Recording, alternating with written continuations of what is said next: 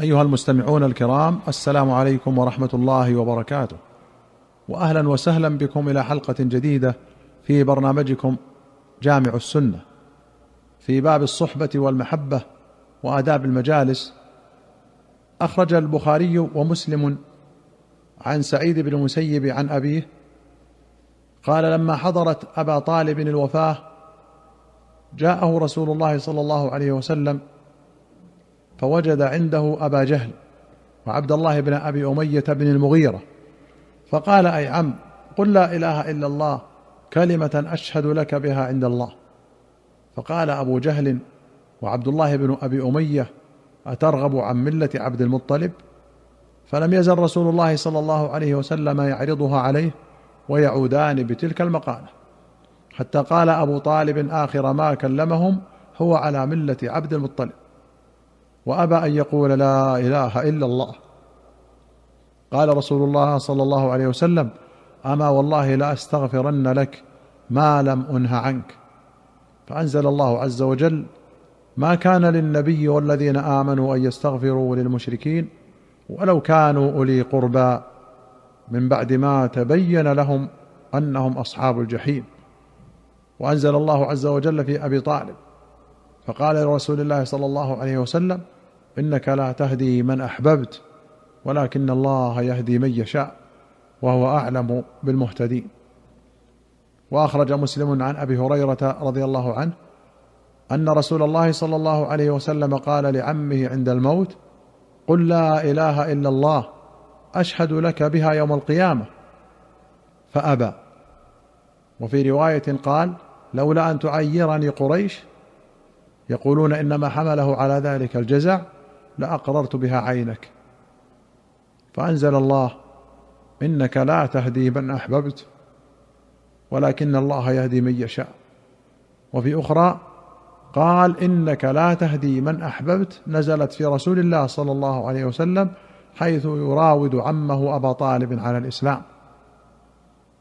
وأخرج أحمد والدارمي وأبو داود والترمذي وأبو يعلى وابن حبان والحاكم والبيهقي في الشعب والبغوي رحمهم الله بسند حسن عن أبي سعيد الخدري رضي الله عنه قال قال رسول الله صلى الله عليه وسلم لا تصاحب وفي رواية لا تصحب إلا مؤمنا ولا يأكل طعامك إلا تقي.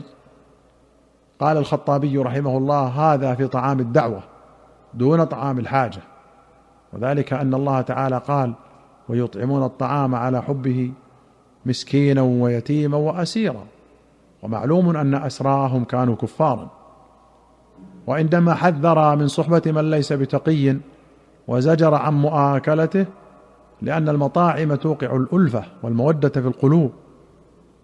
وقال القاري فيه النهي عن مصاحبة الكفار والمنافقين.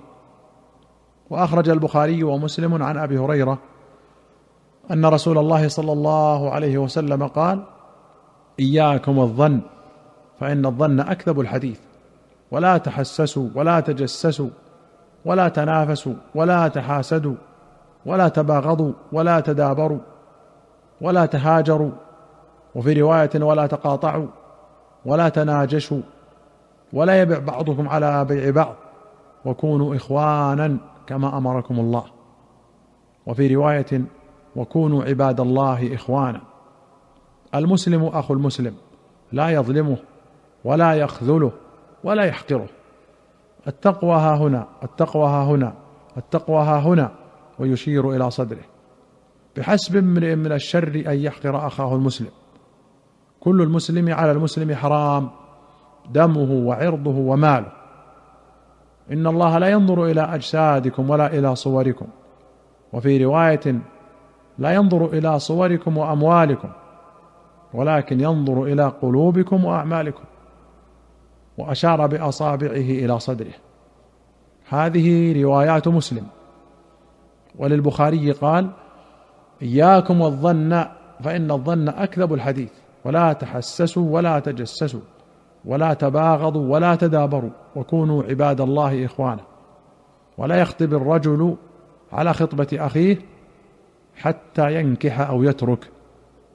ولهما عن أنس أن النبي صلى الله عليه وسلم قال لا تقاطعوا ولا تدابروا ولا تباغضوا ولا تحاسدوا وكونوا عباد الله إخوانا.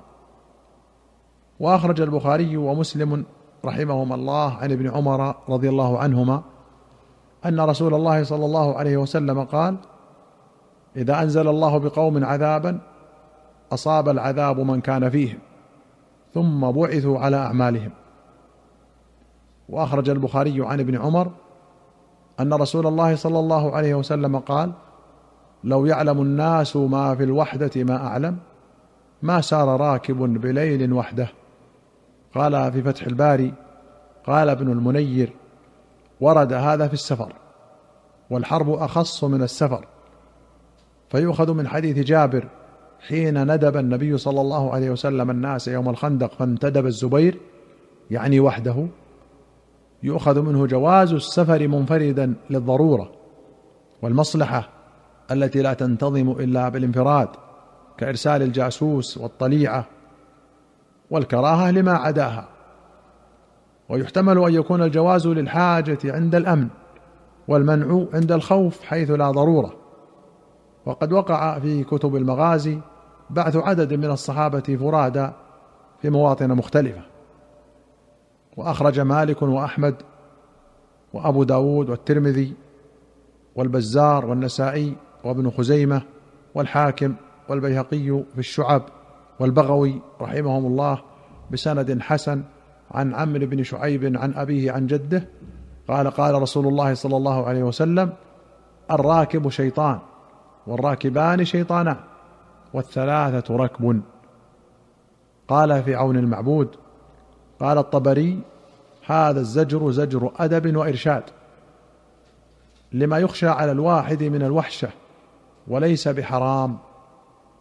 والحق أن الناس يتباينون في ذلك فيحتمل أن يكون الزجر عنه لحسم المادة فلا يتناول ما إذا وقعت الحاجة لذلك كإرسال الجاسوس والطليعة. قوله زجر أدب وإرشاد أي ليس لنهي التحريم ولا لنهي الكراهة. وأخرج البخاري ومسلم عن أنس رضي الله عنه أن اعرابيا سأل النبي صلى الله عليه وسلم عن الساعة. فقال متى الساعة؟ قال وما أعددت لها؟ قال لا شيء. وفي رواية قال ما أعددت لها كثير صيام ولا صلاة ولا صدقة إلا أني أحب الله ورسوله. فقال أنت مع من أحببت؟ قال أنس فما فرحنا بشيء فرحنا بقول النبي صلى الله عليه وسلم أنت مع من أحببت. قال أنس فأنا أحب النبي صلى الله عليه وسلم وأبا بكر وعمر وأرجو أن أكون معهم بحبي إياهم وإن لم أعمل بمثل أعمالهم. وفي رواية أن رجلا من أهل البادية أتى النبي صلى الله عليه وسلم فقال يا رسول الله متى الساعة قائمة؟ قال ويلك وما أعددت لها. قال ما أعددت لها إلا أني أحب الله ورسوله. قال إنك مع من أحببت. فقلنا ونحن كذلك؟ قال نعم. ففرحنا يومئذ فرحا شديدا.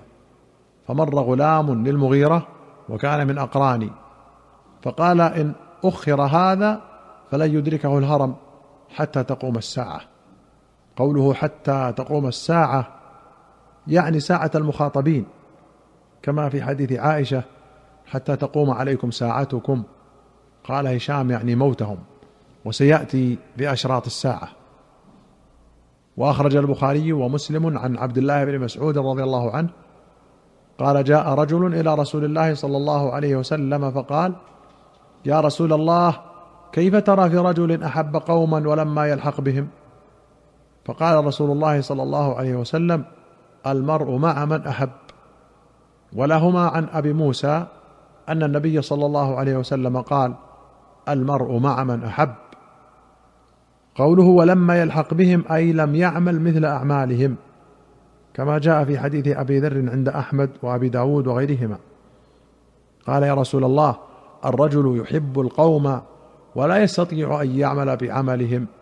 قال أنت يا أبا ذر مع من أحببت. أيها المستمعون الكرام إلى هنا نأتي إلى نهاية هذه الحلقة. حتى نلقاكم في حلقة قادمة إن شاء الله. نستودعكم الله والسلام عليكم ورحمة الله وبركاته.